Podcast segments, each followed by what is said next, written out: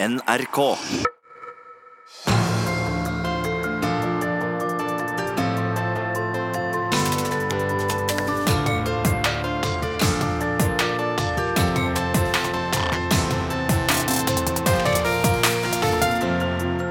I disse dager snakker alle om hvordan norske slaktedyr har det i fjøs og på farmer.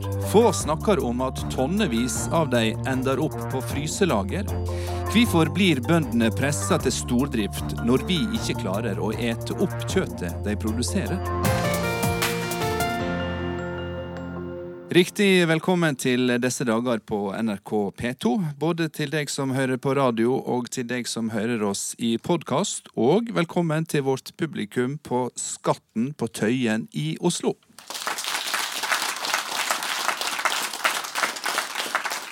Velferda til de dyra vi aler opp for å ete, har kommet på dagsorden etter at NRK Brennpunkt avslørte grov mishandling og dyreplageri på norske grisefarmer.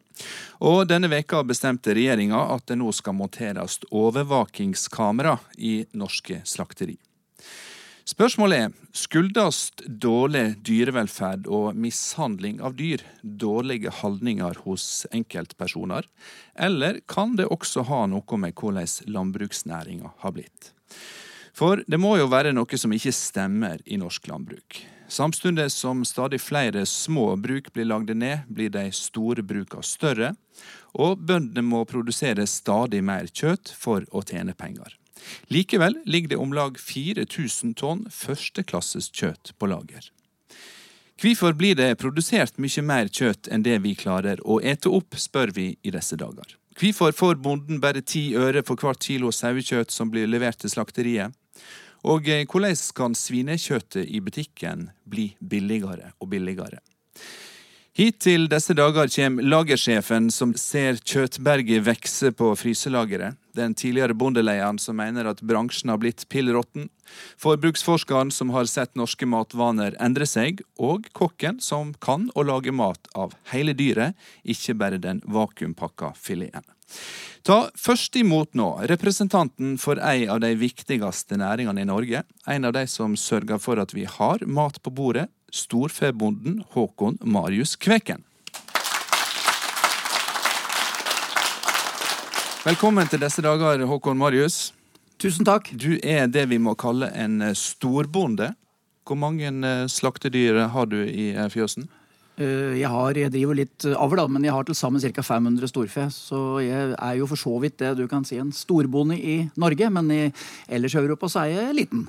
Men det er, ikke, det er ikke noe du liker å bli kalla, har jeg inntrykk av? Nei, jeg gjør ikke det. Jeg syns det er et dårlig ord, og det har litt med fortid å gjøre. Det var jo storbonde før i tida. Det var sett på som noe litt sånn dårlig. Så jeg vil si at jeg er en vanlig dødelig bonde som er genuint opptatt av storfe og storfeavl. Hvordan vil du beskrive livet som bonde i 2019? Nei, det, Jeg syns jo det å være bonde i Norge det er et, godt land å være bonde til. Men vi har jo våre utfordringer. Men jeg syns jo allikevel at det, hvis du ser på helheten, så har jeg jo ikke blitt tvungen inn i dette her. Så jeg har jo ønske om det sjøl og har drevet på i 40 år. Og om vi driver på i 40 år til, kan jo diskuteres, men jeg er genuint opptatt av norsk landbruk og opptatt av at den norske forbruker skal få en vare som han eller hun ønsker. Og da må vi produsere den varen. Mm. Men du har sagt at du har holdt på i 40 år. Og du har sagt at eh, det har endra seg både på godt og på vondt. Hva endringer har du sett? Vi blir jo, vi blir jo mer effektive, det sier seg sjøl. Og du kan si at eh, det som kanskje plager meg litt, er at eh, det presses på alle kanter.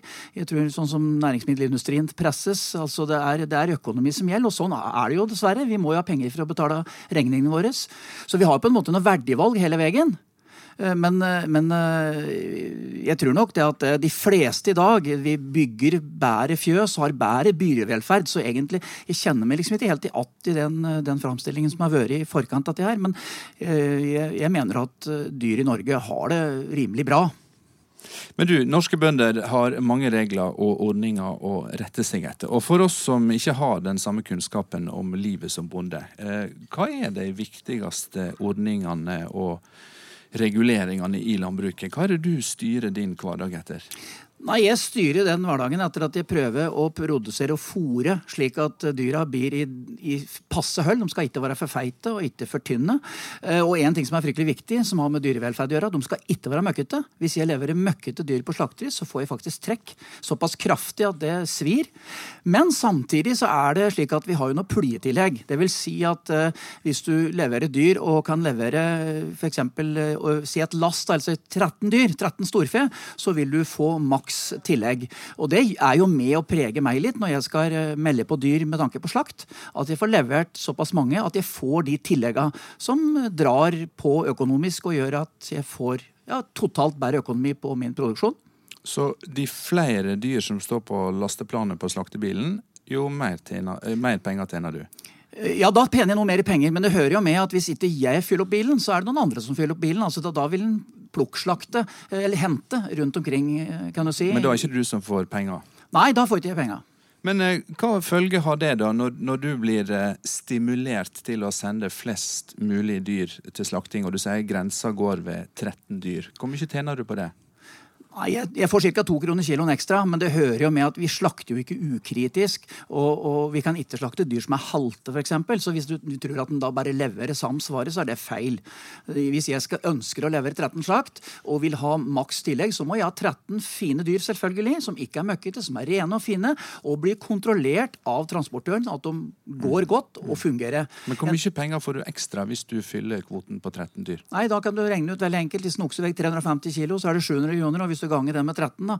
Du som er kjapp i underregning, så blir det hver 8000 kroner. Gjør det ikke det? Jo, det blir ganske 8 9000 kroner. Det blir, ganske mye. det blir med ganske mye penger. Men det er jo sikkert litt besparelse for neste ledd, når de da øh, får fylt opp bilen på én plass. Men det er på en måte Jeg er fulltidsbonde. Har med meg to stykken. Så, så det er på en måte litt av premien vi får, da. For dette er vel òg um, ei stimulering til deg som bonde for å drive større? Det svarer seg for deg å ha 500 dyr når, når du tjener penger på å fylle kvoten til slakt hver gang? Det kan du si, men samtidig så vil jeg si at når du kommer opp i et visst antall, så, så, er det en del andre faktorer som slår inn. Det er et litt sånn populært norsk ord som heter management. altså du, du må, Det er mye mer jobb når det blir, blir mer dyr. Det er litt avhengig av åssen fjøs du har. Men det setter mer krav til oppfølging av dyr. Du må jo se over alle dyra hver dag og se at ingen lir og er sjuke. Alle får maten sin. Alle har det reint. Så, så det er ikke slik at eh, Det er to sider av den saken. Men du, når du har 500 dyr kan, kan, du med handa på bondehjertet ditt si at uh, alle de 500 har det like godt? Jeg kan si det sånn at når jeg har 500 dyr, hver dag så har jeg en når jeg går og sjekker, begynner morgensrunden kan du si, og går rundt, så er det oftere at meg at noen kanskje ikke har det bra. At det er noen som er sjuke. Da har jeg egen sykeavdeling. De dyra som bare har en litt dårlig dag, eller det er noe med, de, de uh, gjør jeg ikke noe mer med å følge med på og ser om de spiser maten sin. De andre blir da satt over i en sykeavdeling hvor da jeg har fullt oppsyn med dem. Du nevnte at du får trekk i prisen for møkkete dyr. Og så sa du at dyra skal heller ikke være for feite og heller ikke for magre. Får du også trekk hvis dyra dine er for feite? Jeg får faktisk trekk hvis de er for feite. Det, men det er jo forbrukeren som ønsker, og det er på en måte veldig greit. Forbrukeren setter, setter på en måte standarden for hva jeg skal produsere. Han ønsker dyr som er i middels godt høll. Det vil si, jeg vil si De er veldig flotte og fine, men de er ikke for feite. De skal ikke være møkkete, de skal heller ikke være sjuke, og de skal ikke være halte. De skal ha pene, fine kløver og, og ha det bra. Og Det er det som er utgangspunktet. Ellers får vi ikke levert dem. Takk for at du ga oss innblikk i hvordan eh, livet er til en eh, norsk bonde. Riktignok en eh, storbonde i norsk sammenheng. Bli bare sittende litt til, for du lever jo av kjøttproduksjon. Men norsk forbruk av kjøtt er det ikke det samme som det var. Og det skulle ikke bare at veganere og klimaengasjerte forbrukere har kutta på kjøttforbruket. Det handler også om at vi ikke lenger kan å lage mat av hele dyret. Snart i disse dager kommer det en som både er kokk og småbruker for å tipse oss om hvordan vi kan utnytte kjøttressursene bedre.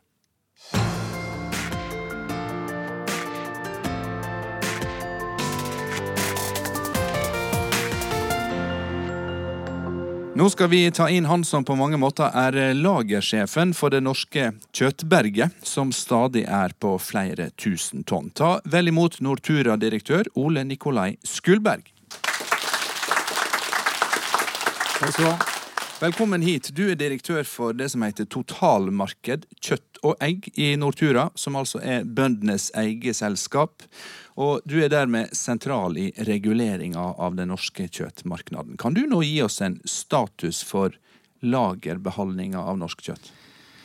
Ja, i dag så er den som du var inne på innledningsvis, eh, om lag 4000 tonn totalt sett for, eh, for alt kjøtt. Eh, og så er det jo viktig å si her at eh, noe kjøtt eh, bør og skal ligge der på denne tida av året. Mens noe er å se på som et overskudd. Hva er det som ikke skal ligge på lager nå? Nei, Det er jo mye gris nå. Vi har jo hatt flere år med overproduksjon av gris. Og vi har et stadig overskudd av grisen. Og vi har et stadig overskudd av sau. Mens det eh, volumet vi har av lam på lager nå, eh, det vil jeg jo si er på et riktig nivå og en god ressursytelse. Fordi lamma blir jo tross alt eh, slakta alle som en på høsten. Og da tar vi kollektivt vare på den produksjonen som vi ikke selger da i kampanjene på høsten. Så forbrukere får norsk kjøtt da året etter. Lam er etterspurt uh, vare uh, av norske forbrukere. Men hvorfor blir norske, delvis uh, kyr, men mest griser og sauer ala opp for å ende på fryselager? Ja, det er et ganske, ganske, sammensatt spørsmål som det ikke fins ett svar på. Men hvis vi tar grisen, så har jo norske svinebønder gjennom det samarbeidet de har om avl, klart å få fram eh, et mordyr, ei purke, som eh, får flere grisunger enn tidligere. Og er flinkere til å ta vare på grisungene. Og når da alle disse grisungene blir slakta fram, eller fôra fram som slaktegris, så har det rett og slett eh, blitt for mye i forhold til hva det norske forbruket er.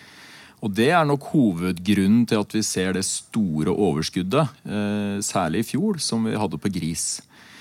Eh, mens på, på sau, særlig sau og lam, så er nok bildet kanskje noe annet. Eh, det var jo et marked som for noen år tilbake hadde en eh, liten underdekning av norsk vare.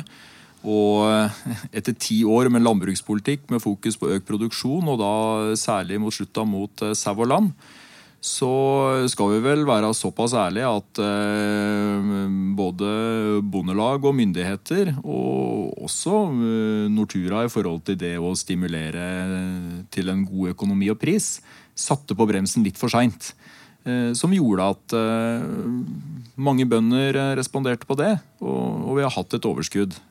Der er vi jo heldigvis på vei tilbake til en litt mer normal situasjon. Men hva er de enkleste, realistisk sett, enkleste metodene for å få redusert eh, overskuddslageret av norsk kjøtt? Eh, når først kjøttet har eh, gått inn på reguleringslager, så sitter vi med, med, litt forskjellige muligheter, også litt i forhold til hvilke dyreslag vi prater om. Når det gjelder grisen, så har vi fortsatt muligheten nå, ut dette året og ut neste, å kunne eksportere. Eh, og det har vi lov til eh, gjennom WTO-regelverket. Å eksportere inntil 1900 tonn med gris, og det gjør vi. Eh, når det gjelder øvrige dyreslag, så blir det jo ofte da å redusere prisen. da, Og gi norsk kjøttbransje muligheten til å kjøpe en billig råvare og stimulere til at de bruker mer. Og en del av det det kjøttet som eh, ligger på lager, vet jeg, er fra New Zealand og andre store kjøttproduserende land. Er ikke det et enormt paradoks? At vi fyller opp overskuddslagrene med importert kjøtt? Ja, Kjøtt fra New Zealand ligger eh, helt garantert ikke på reguleringslageret vårt, hvert fall, eller der hvor vi lagrer, men at du har aktører i Norge som kan importere kjøtt. Eh, det er jo et resultat av handelspolitikken som eh, norske myndigheter har ført over eh, flere år. Hvor man har framforhandla importkvoter, og, og, dem ligger til rette for at de skal brukes. Og da kan vi jo sitte i en situasjon da, hvor vi har aktører i bransjen som velger å importere framfor å bruke norsk. Jeg vil tilbake til deg, Håkon Marius Kveken, storfebonde. Hvordan reagerer du når du hører at veldig mye av det kjøttet som norske bønder produserer, går inn på fryselager fordi en ikke får solgt det?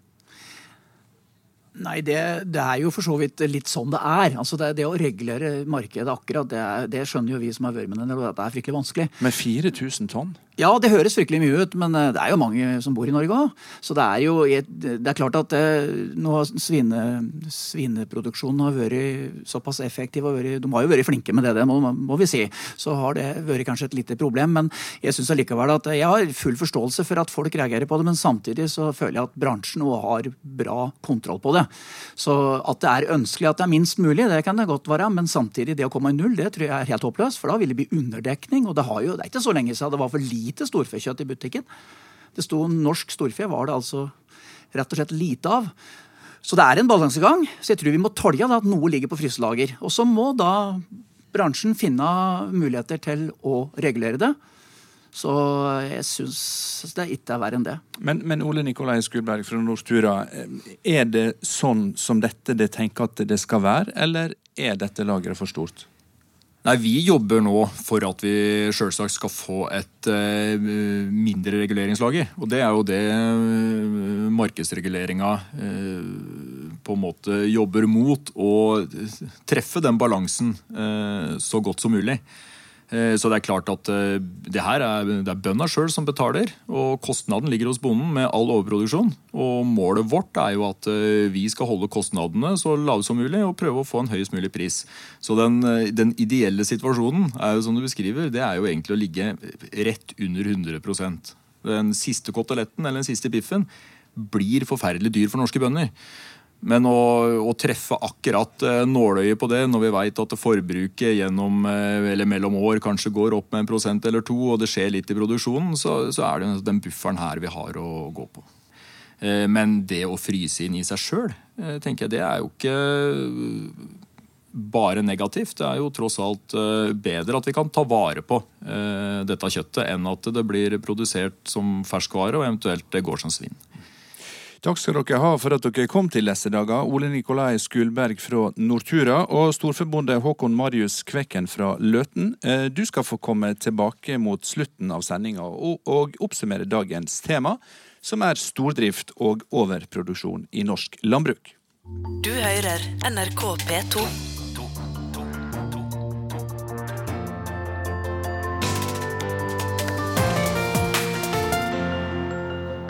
Har norsk landbruk blitt en eneste stor ond sirkel, spør vi nå i disse dager. For eh, hvorfor har det blitt slik at mange norske bønder sier at de kjenner seg pressa til å drive enda større for å produsere enda mer, samtidig som overskuddslagre av kjøtt er store? Vi skal lete etter sammenhengene og årsakene sammen med en som er statsviter og tidligere landbruksforsker, og en som er nestleder i Norges Bondelag. Velkommen Sven Arne Lie og Bjørn Gimming. Du er første nestleder i Norges Bondelag. Jeg vil begynne med deg, Sven Arne Lie. Du er tidligere forsker ved Norsk institutt for bioøkonomi. Tidligere leder for Oppland bonde- og småbrukarlag, og nå tilsatt som rådgiver i Oppland fylkeskommune. Du har gode forutsetninger for å svare på følgende spørsmål. Har norsk landbruk blitt en ond sirkel? Ja, sånn, sånn som man holder på nå, så er vi inne i en ganske ond sirkel med, med bl.a. overproduksjon. Eh, det som eh, Altså, skal vi huske på at eh, overproduksjon er en forferdelig skadelig spiral for jordbruket å være inne i. Eh, sånn røft regna så kan man si at 1% overproduksjon i volum gir 10 eh, prisfall i Altså 10% prisfall. Altså desto større produksjon, desto lavere pris. Og måten man kompenserer eh, prisfall på, er jo ved å øke produksjonen ytterligere i neste omgang, som gjør at prisen faller enda mer etterpå. Eh, og vi er i en veldig paradoksal situasjon i norsk jordbruk i dag, der vi altså har eh, overproduksjon og en eh, veldig låg sjølforsyning. Altså vi har en sjølforsyning som eh, bikker ned mot 30% Så vi har altså for mye og for lite. Og hvordan har du tenkt å forklare det? Det er litt vanskelig å forklare. Eh, men det er jo det som er situasjonen, og den spiralen vi er inne i nå, med overproduksjon og påfallende sjølforsyning, den kompenseres av økt produksjon, eh, ofte med en stor kraftfôrinnsats som gir lavere eh, selvforsyning, og så, sånn fortsetter det. Men, men, ta oss nå inn i, i, hva som er mekanismene her. Altså Nå har vi vært innom ei tilskuddsordning, dette såkalte puljetillegget, som stimulerer bøndene til å sende flest mulig dyr til slakt samtidig. Men hva andre mm, tilskuddsordninger og føringer er det som, som gir dette resultatet?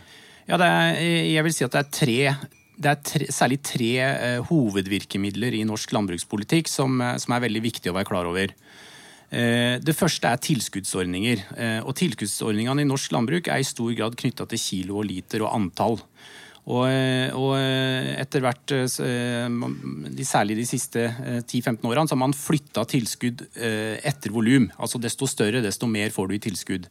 Eh, det er ene, at du måtte finansiere volum med tilskudd fra meg og deg, altså fra bevilgninger fra staten.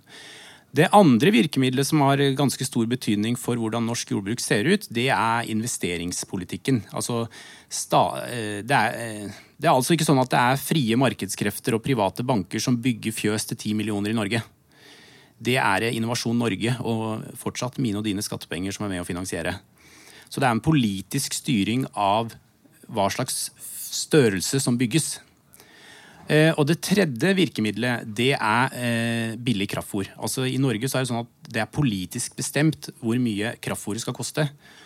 Og eh, særlig de siste eh, 20 årene så har man hatt en politikk der kraftfôr har blitt gjort billigere og billigere og billigere. Og det gjør altså at du kan produsere større og større volum uten å ha areal til de dyrene som du skal produsere for. Eh, det betyr jo da at f.eks. I, i europeisk sammenheng så er det sånn at vi i Norge, eh, når det gjelder mjølkeproduksjon og, og, og kjøttproduksjon på drøvtyggere, altså dyr som beite, så er vi blant de landene i Europa som bruker mest kraftfôr per kilo og per liter produsert. Så vi har et veldig høyt kraftfôrforbruk i norsk landbruk, og det er knytta til den politiske reguleringa av kraftfôrprisen. Så de tre sammen, altså tilskudd til volum, investeringsstøtte til å bygge fjøs og billig kraftfôr, er ekstremt sterke drivkrefter som gjør at man produserer mer enn det vi har ressursgrunnlag for. Man produserer mer enn det er etterspørsel etter i markedet. Og man produserer mer enn det driftsøkonomien på gardsbruket egentlig eh, tilsier. Slik du framstiller, høres ut som dette går helt gale? Ja, nå er vi altså i en situasjon der sjølforsyningsgraden Nå hadde vi en tørkesommer i fjor. Eh, eh, samtidig med at man har en tørkesommer, så har man altså overproduksjon. Som er en forferdelig paradoksal situasjon. Altså, en, du, vi har en, en, situasjon der vi bruker stadig mindre arealer, og vi har en tørkekrise. Og så har vi en større produksjon av kjøtt enn vi noen gang har hatt. Eh, vi, eh, og vi ender da opp med en veldig låg sjølforsyning. Og, og jeg, jeg, mener jo at vi er helt ute av kurs, og at vi må eh, starte en diskusjon som lander med en ny landbrukspolitikk. Bjørn Gimming, du er første nestleder i Norges Bondelag, som er ett av to faglag som forhandler på vegne av bøndene i jordbruksforhandlingene med regjeringa. Er norske bønder helt uten skyld og ansvar for at det har blitt slik som det blir skildra her? For det første så syns jeg det er en veldig feil beskrivelse av norsk jordbruk. Eh, og en beskrivelse jeg ikke kjenner meg igjen i. Fordi vi har lykkes ganske godt i norsk jordbruk med å uh, ta i bruk dette her relativt uh, klundrete landet til å produsere mat. Vi har 3 dyrka mark i Norge, og vi klarer faktisk å bruke veldig mye av den, selv om den ligger spredt rundt hele landet. Uh, og så, så er det en annen kjærtegn ved norsk jordbruk at vi produserer for det norske markedet. Og utelukkende for det norske markedet. Uh, stort sett, i hvert fall. Uh, sånn at Vi har ett marked å forholde oss til, og det er en krevende oppgave, som også det har vært tidligere før meg som har sagt her i dag. hvor man altså da, Det er en krevende oppgave også å tilpasse denne produksjonen hele tida til det forbrukeren etterspør. Og så øh, har vi for lite fôr i Norge. Det tror jeg vi må erkjenne. Uh, hvis vi skal forsyne norske forbrukere med de husdyrproduktene de ønsker, så må vi supplere med, også med import av, av fôr. Uh, på tross av at vi har organisert landbruket slik at vi skal produsere mest mulig av, av gras der det er egnet for gras, og mest mulig korn der vi har eh, forutsetning for det altså her på Østlandet. Mm. Så, så eh, jeg bestrider jo på et vis at det her er eh, at vi har mislykkes veldig mye. Jeg syns vi har lykkes veldig godt på veldig mye vi har gjort i norsk jordbruk. Eh, og så er det uh, noe overproduksjon nå. Dette her er litt sånn syklisk. Uh, noe Det er vanskelig å treffe akkurat. Det dyret jeg skal slakte nå til høsten, det ble bedekka i fjor. Mora til det dyret er altså da to år før der. Det er vanskelig å forutse akkurat hva forbrukeren kommer til å kjøpe om, om to år igjen, når jeg skal bedekke nye dyr. Så det her det er, det er, på et vis ikke noe Jeg syns ikke det er noe, noe mislykka landbrukspolitikk vi har ført i Norge. Tvert imot. Eh, hvis vi sammenligner med resten av jordbruket i Europa, så er det ingen andre som hadde vært i stand til å Eh, gjennomføre og ha et landbruk i, under disse forutsetningene som de har. Men Det er viktig for bøndene å bevare det norske kulturlandskapet, hindre at Norge gror igjen, og å sikre bosetnad og gardsdrift både i bygder og grender. Men eh, et visst omsyn til økonomisk bærekraft må vi vel også ta. Er det to omsyn som går i hop? I stor grad så går de i hop, men det er eh, det kulturlandskapet vi får, det er en konsekvens av den matproduksjonen vi har. Det er ikke sånn at vi har matproduksjon, og så har vi kulturlandskap i tillegg. Kulturlandskapet er kanskje den viktigste eh, bivirkningen av norsk jordbruk. Nettopp at vi bruker arealene og skaper et fint landskap også med basis i matproduksjon. Så matproduksjon er viktig for å opprettholde kulturlandskapet. Sven Arne Lie, du har også sett eh, Brennpunkts eh, dokumentar fra norske svinefarmer og hørt diskusjonen som har gått om dyrevelferd etter det. Og du, forstår jeg, mener at dette har en sammenheng ikke med enkeltindivider eh, i grisebransjen, men det har en sammenheng med strukturene i landbruket å gjøre? Ja, altså det, er, for det første, det er jo helt åpenbart at det er jo bondens ansvar å sikre god dyrevelferd. Altså, man må ha folk med, med kompetanse om eh, husdyrhold og empati for dyr. Det er jo helt grunnleggende. Samtidig så, så kommer man jo altså ingen vei hvis man ikke evner eller ønsker å diskutere drivkreftene bak. Og Det er jo det jeg oppfatter at eh, næringa sjøl ikke vil. altså Bondelaget og Nortura, da, som var i den debatten nå eh, på, etter, etter Brennpunkt-dokumentaren, der man er veldig kjapt ute med å hogge huet av egne medlemmer. Eh, og, og gjør de på en måte ansvarlig for eh, å begynne å skylde på holdninger og kultur og eh, enkeltepisoder og sånne ting. Eh, men altså, det er, en, det, er, det er, en, struktur som ligger bak. Det er drivkrefter som ligger bak. Er hva slags, er de drivkreftene?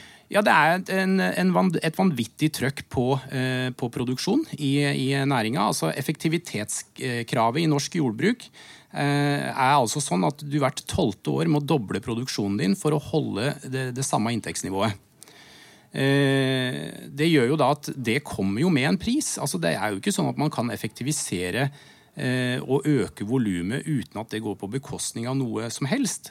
Eh, og det er jo ikke sånn at man blir veldig lykkelig av å slå en gris. Det er jo ikke det som er, det ikke det som er eh, greia her. Men altså, hvis man tror at det, norske svinebønder trenger flere psykologer og flere kamera i, i, i, i fjøset, så er det altså helt feil. Det de trenger, er en annen politikk.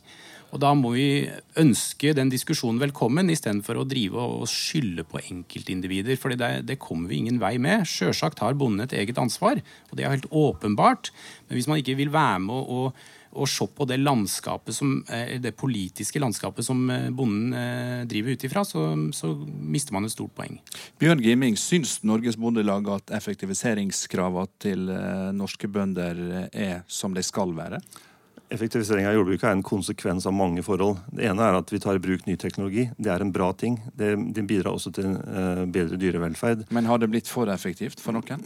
Mm, det vil jeg, altså For enkelte Det blir på et vis vanskelig for meg å svare på. For enkelte.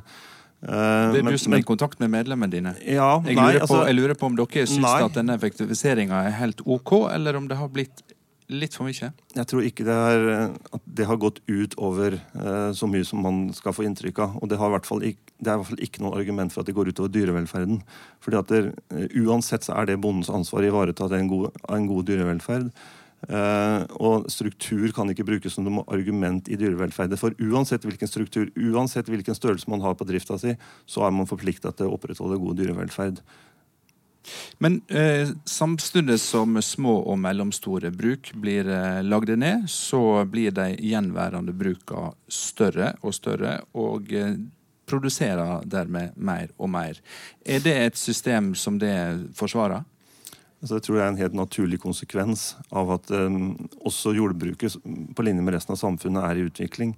Uh, jeg tror det var en utrolig glad dag på 50-tallet når min farmor fikk melkemaskin og slapp å melke kua for han lenger. Eh, altså, det, det, blir veldig vanskelig for meg å si at det, å bruke ny teknologi som også frigjør tid, Eh, er et onde. Eh, tvert imot, det er et gode. Eh, og det bidrar også til at vi kan bruke mer tid på å ivareta dyra på en annen måte enn vi hadde kunnet gjøre før. Så Vi må ikke gjøre dette her til et sånt spørsmål om at strukturutviklinga er et onde. Vi skal ha kontroll på strukturutviklinga, og altså selvfølgelig kan man dra det for langt. I Norge så føler jeg at vi har holdt dette her veldig godt under kontroll, bl.a. gjennom at vi har maksbegrensning på hvor stor du kan bli det er lagt begrensninger, slik at det, vi skal ha en, en spredt produksjon. Det skal være mulig å, å drive også variert. Sven Arne Lie, du har jo ei fortid i eh, bondenæringa. Du har vært engasjert i Bonde- og småbrukarlaget. Eh, hvorfor er det så stor avstand i, i av virkeligheten mellom deg og eh, nestlederen i Bondelaget? Det enkle svaret på det tror jeg at, at Bondelaget og næringa sjøl er ikke så veldig uenig i den utviklinga som jordbruket har hatt.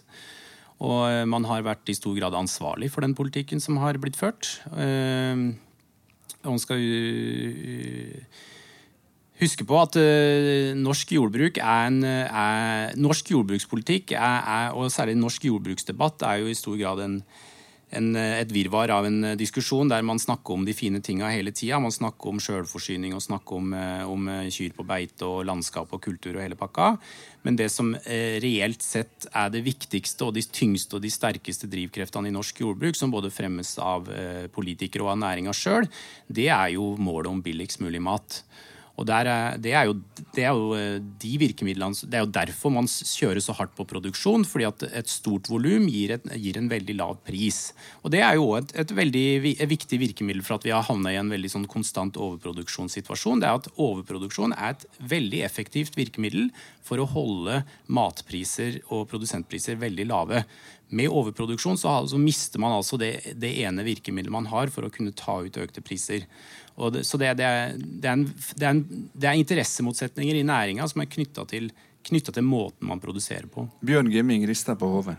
Ja, for det første så er jeg uenig med deg. fordi at der, vi har et tollvern og et grensevern inn til Norge som, som muliggjør et helt annet eh, pris til bondene enn dersom vi ikke hadde hatt det. Hvis vi hadde vært utsatt for verdensmarkedets krefter.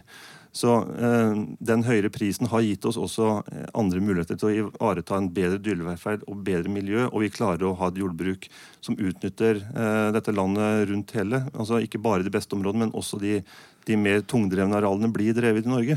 Og nettopp det at vi ikke har falt i den der, eh, eh, fella med å pris, altså presse prisen ned til, eh, til helt håpløse lave nivåer, er faktisk en forutsetning for at vi har lykkes med veldig mye i Norge.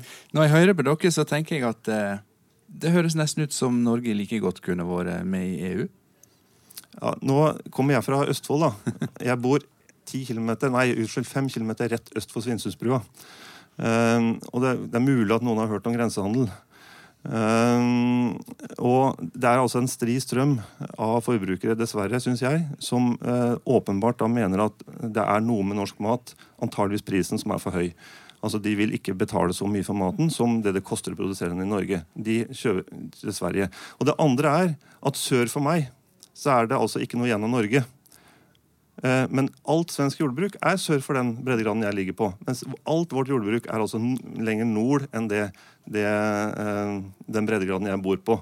Svenskene har lagt ned alt det jordbruket nord for den breddegraden. Så åpenbart må vi ha lykkes med en del i Norge. Sven Arne Lie, hadde EU-medlemskap EU løst eh, problemer i norsk landbruk? Nei, det hadde det ikke. Men, eh, men det, det, som er viktigere enn EU-diskusjonen, er jo diskusjonen om hva jordbruket sjøl vil.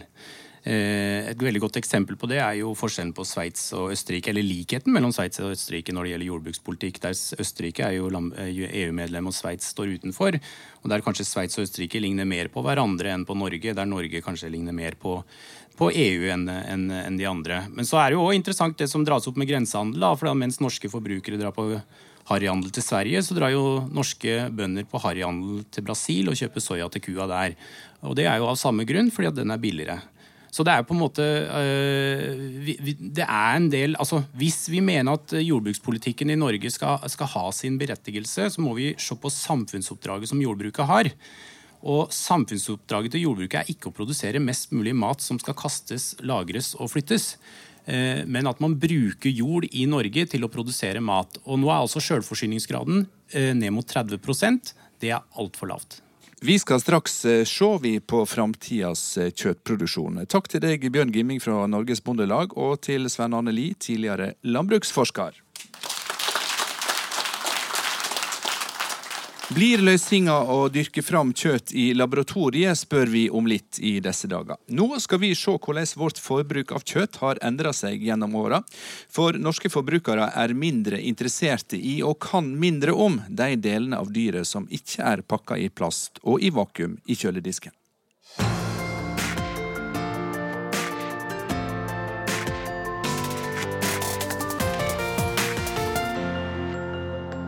Hvor ofte et du lungemos, lever i brun saus, syltelabber, blodpudding eller tunga fra et dyr? Det er mange tradisjonelle matretter som er så godt som forsvunnet fra hverdagsmenyen i norske heimer. Og når vi ikke vil kjøpe hode, innmat eller føtter fra slaktedyr, så blir ikke hele dyret brukt. Nå skal vi ta varmt imot velkommen til deg, Olav Li Nilsen. Du driver Torbjørnrud hotell, og du er mjølkebonde på Øvre Kjekshus gård i Jevnaker. Og du er kokk. Eh, på hotellet du driver, der har jeg vært og ete for øvrig. Eh, der har jeg merka meg at du er opptatt av å bruke hele dyret når du lager kjøttmat. Hvordan planlegger du eh, bruken av en hel dyreskrott når du får den inn på kjøkkenbenken din? Nei, det er jo med utgangspunkt i vår egen produksjon, og da har vi ikke noe valg. Altså Skal vi få mat på bordet, så må vi jo bruke hele dyret. Ellers må vi jo skaffe det andre steder fra. Pluss at kokkene i dag har jo blitt så interessert i å ta i bruk andre tilberedningsteknikker. Altså det er langtidskoking, det er brasering med mer. Så det gjør jo at eh, disse kanskje litt simplere stykningsdelene som man tenker, er jo kanskje de som smaker best, og som gjør de beste måltidsopplevelsene. Mm. Men når vi går i butikken, Olav, så er jo ting pent pakka i plast. Men aller først er det delt opp i fine fileter, små, tynne stykker, og det er krydra og marinert. Eh, kan ikke du gi oss en gjennomgang av eh, alternativet, nemlig å forholde seg til la oss si en hel griseskrotte? Hvordan, eh, hvordan bruker en en hel gris fullt og helt? Hvordan man bruker en gris fullt og helt? Ja, Sånn som jeg vokste opp, og sånn som jeg sjøl fortsatt gjør en del av, er jo at jeg er like opptatt av å bruke innmaten som kjøttet. Og det er jo en ressurs som er betydelig, som vi har vært veldig lite flinke til å beholde på middagsbordet. Vi har lunger, det er lever, det er nyrer med mer, som absolutt kunne vært brukt. Og så er det jo Starte med hodet. altså Den har jo fantastisk kjøttkvalitet. Lage pålegg av det. Sylte, eventuelt braserte eh, svinekjaker. Ja. Kjempegodt. Eh, nakken er jo fantastisk å speke, eller super som nakkekoteletter. Og så har du jo dette fine produksjonskjøttet i bringa, som kan bli til gode pølser og pateer og alt mulig annet. Bogen kan du jo beine ut, lage steik eller eh, pålegg, eller som er god også i eh, mer sånn pateer og pølser, selvfølgelig. Så har du ribba. Den er jo seg sjøl, den veit vi alle hva vi bruker ja. til. Men vi kan jo lage mye annet godt av den òg, selvfølgelig. Eh, og vi har jo eh, Vi på Torbjørnrud speker ganske mye av låra til skinke. Men det er jo et fantastisk kjøtt å putte i salami.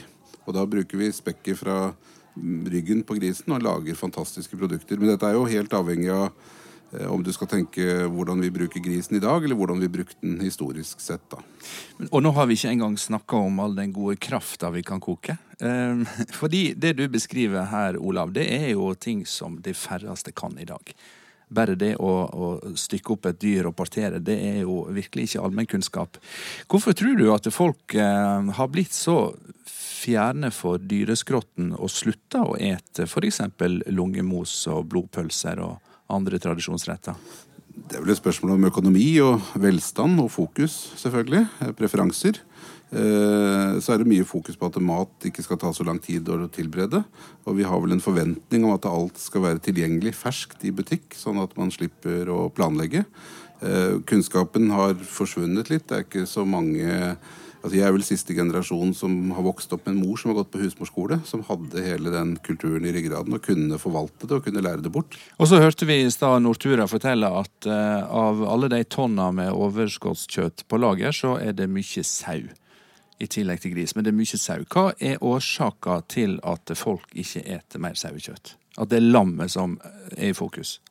Jeg tror nok sau, skal det bli godt, da, så er det jo veldig ofte langtidskoking, salting, røyking, andre type tilberedning som gjør at du får fram bedre smaker i det. Og det driver de færreste med. Og så har vel kanskje mye sånn salt og røkt kjøtt blitt sett på som litt usunt blant mange, så man har tatt det litt sånn ut av daglig kosthold. Jeg tror nok slike ting påvirker det veldig. Norske matvaner har definitivt endra seg, og eh, vi skal nå et halvt tusen år tilbake i tid når vi sier velkommen til Anniken Bar Bugge. Anniken, velkommen. Tusen takk. Du er forsker ved Statens institutt for forbruksforsking. Jeg kaller det bare SIFO her etter deg, for at det blir litt lettere.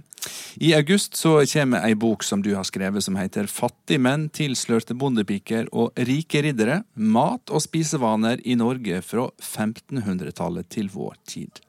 La oss nøye oss med å gå 100 år tilbake i tida. Hvem var det som kunne unne seg å ete ei svineribbe for 100 år siden? Det var den eh, utskjelte svinebonden, eller storbonden, mente jeg. Eh, som hadde råd til kjøtt. Altså Hver og en spiste om lag seks kilo kjøtt per år eh, på 1860-tallet. Og så har det økt jevnt og trutt, og i dag er vi oppe i 53 kilo cirka kjøtt per person. Og I dag koster ribba rundt 30 eh, kroner kiloen, eh, i alle fall ved juletider. og Sånn sett kan jeg si at alle kan fråtse i, svinekjøtt. Eh, og forbruket har økt kraftig blant nordmenn de siste åra. Hva samfunnsendringer er det som gjør at forbruket har endra seg? Gjennom de siste 100 årene så har vi jo sett en veldig økende velstand. På begynnelsen av 1900-tallet brukte vi om lag 60% av det vi tjente på mat. På 1950-tallet var vi nede i 40% og nå er vi nede i 12% Vi så også at melkeretter, potet og fisk utgjorde en mye større bestanddel av kostholdet på begynnelsen av 1900-tallet enn i dag. Og kjøttforbruket har jo da økt jevnt og trutt med økende velstand. Så kjøttforbruket øker, men summene vi bruker på mat, går ned? Relativt sett. Vi har jo aldri brukt mer penger på mat. Og så vil jeg også si at det som tidligere var festmat, i økende grad er blitt hverdagsmat. Vi spiser færre deler av dyret, de fineste delene av dyret. Det går i fileter. Og jeg synes også det er interessant dette med fersk og frisk mat, som vi er så opptatt av i dag. Det var ikke fint før i tiden. Da var det stabbursmaten, gjerne gammel, opptil åtte år gammel skinke, som var det fineste. Og det å ha et velfylt stabbur, det var altså et statussymbol. Mm. Mens i dag så kommer det aldri på stabburet. Det blir pakka i vakuum og kasta på utløpsdatoen. Mm. Hva tenker du som forbruksforsker om den utviklinga? Jeg tenker jo på en måte at vi aldri har spist bedre, aldri levd lenger, og vi kan velge på øverste hylle. Eh, så vi har det jo veldig godt matmessig i Norge. Eh, jeg synes også det er interessant å se alle disse endringene som har skjedd de seneste par årene. Vi spiser mye kjøtt, vi er glad i kjøtt, og samtidig så er vi jo også blitt opptatt av å begrense kjøttinntaket. og Det handler aller mest om vår egen helse, men også at vi i økende grad er opptatt av dette med miljø, klima og bærekraft, som man også knytter til høyt kjøttforbruk. Da. Mm. Samtidig eh, som vi jo aldri har kasta mer mat enn det vi gjør nå. Hver og en av oss kaster ca. 42 kilo per år. Og vi snakker om mat for nesten 6000 kroner. Så det er klart, vi kaster mye mat. Det gjorde ikke forfedre, eller hva skal jeg si, fortidens husmødre. De brukte alt, og de brukte alle deler av dyret. Og de lagde resteretter. Ja, for det, det er virkelig slutt på i dag i og med at vi kaster så mye mat, så er det jo Vi vet at man bruker mindre rester nå enn før. De mest berømte dessertene våre er jo gammelt og tørt brød. Arme riddere, tilslørte bondepiker, og vi lagde kavring og osv. Eh, vedkomfyren endret jo nordmenns spisevane mye. Vi fikk denne søndagssteken. Og mandag var da en restematdag hvor man spiste rester av søndagssteken. I dag så er det jo mange som har denne kjøttfrie mandagen, f.eks. Så vi har andre måter å redusere kjøttforbruket vårt på. eller vi har jo andre praksiser, da, for å si det sånn. Ja. Vi, vi snakka i stad om blodpølser og lungemos som eh, snaddermat i, i fortidens eh, kosthold. Eh, nå er ikke det så populært lenger. Når var det vi slutta å ete den slags? Fins det noe empiri på det? På 50-tallet så, så vi at innmat uh, var relativt uh, vanlig å spise til middag. Jeg husker ikke helt tallene, men uh, det utgjorde liksom én til to retter av ukens, eller ukemenyen.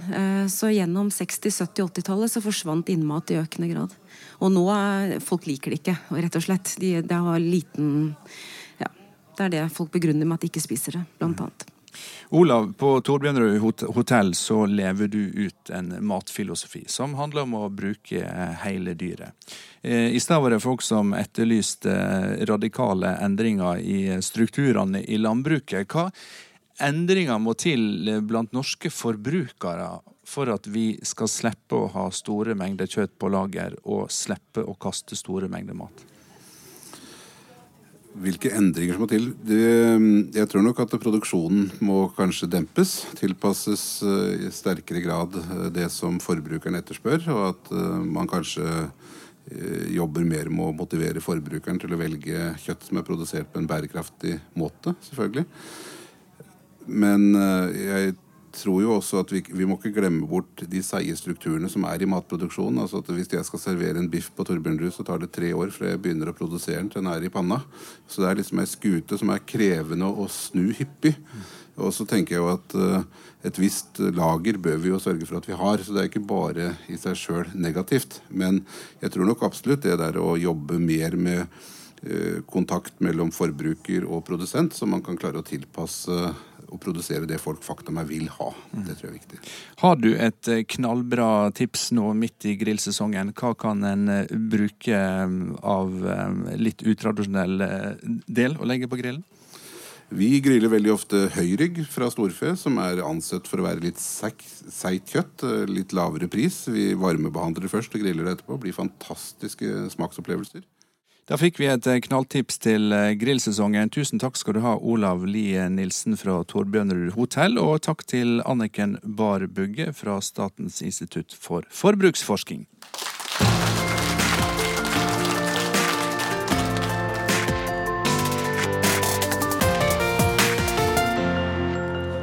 Mat må vi ha, men eh, kan vi få kjøtt på bordet uten slaktegris, bønder, tilskuddsordninger, puljetillegg og jordbruksoppgjør? Kan løsninga på ubalansen i kjøttproduksjonen være å slutte å produsere kjøtt fra husdyr? Vi spør Sigrid Bratli, cellebiolog og seniorrådgiver i Bioteknologirådet. Velkommen, Sigrid. Takk. I 2013 ble den første laboratorieburgeren servert på en pressekonferanse. Den kosta riktignok 2,5 millioner kroner å lage, men det var jo fordi den var framstilt av muskelceller som var dyrka fram i ei skål i et laboratorium. Og med din bakgrunn som cellebiolog, eh, hvordan eh, lager en eh, kjøtt i et laboratorium, enkelt sagt? Ja, Det man trenger, er jo en slags biologisk prøve fra det dyret du ønsker å lage kjøtt fra. Så da tar vi noe som heter stamceller. Det er celler som kan bli til alle mulige andre typer celler. Og så kan de fortsette å dele seg. Så dyrker man rett og slett opp da f.eks. muskelvev, som er det som utgjør hovedbestanddelen i en biff, f.eks., eh, i laboratoriet.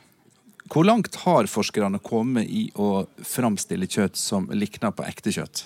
Ja, Du nevnte jo dette med den første burgeren i 2013. Det var jo en ganske krevende, både tidkrevende og veldig kompleks prosess. Man dyrka fram da muskelceller som man satte sammen for hånd til sånne muskelfibre og da en burger.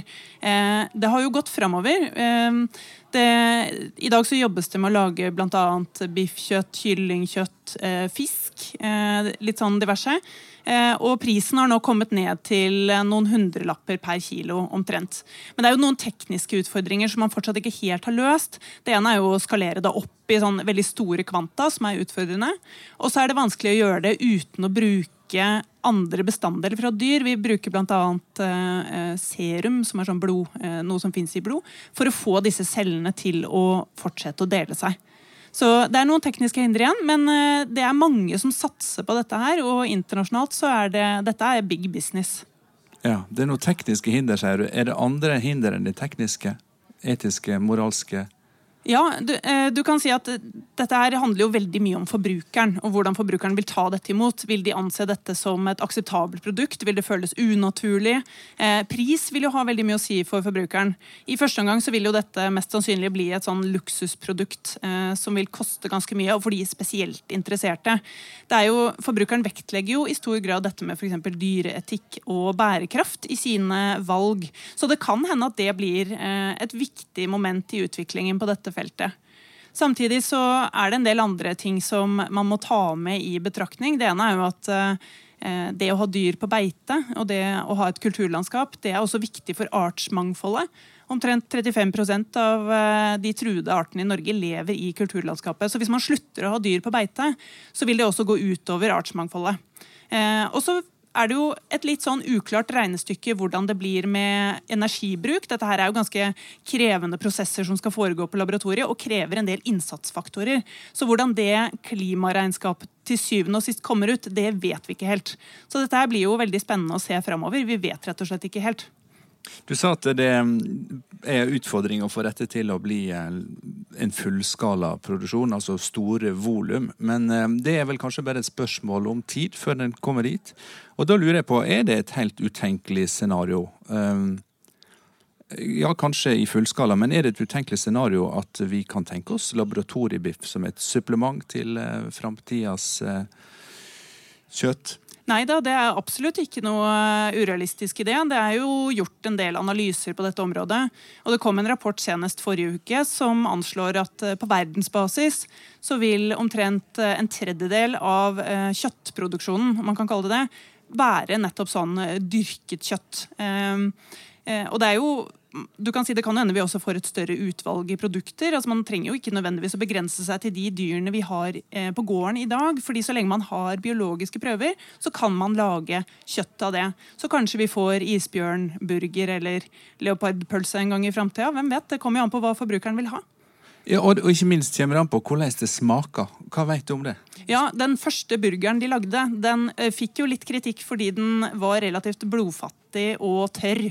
Så det man må jobbe med også, er jo dette med smak, og få inn f.eks. fett og blod eh, i disse produktene. Og Det er ganske krevende å få til den komplekse strukturen som man finner i en biff. Eksempel. Men farseprodukter og sånt, det er litt enklere. Så det er der jeg tenker vi kommer til å se den eh, første utviklingen på dette feltet.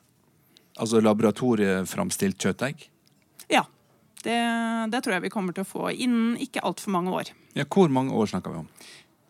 Hvis du skal gjette. Internasjonalt så vil jeg si innen et par år så har vi nok de første pilotproduktene. Men som ikke vil være storskalaproduksjon.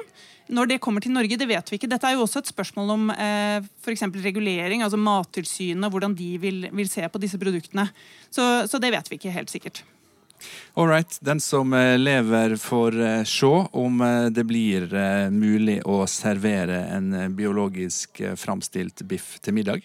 Tusen takk skal du ha, Sigrid Bratli, for at du kom til disse dager.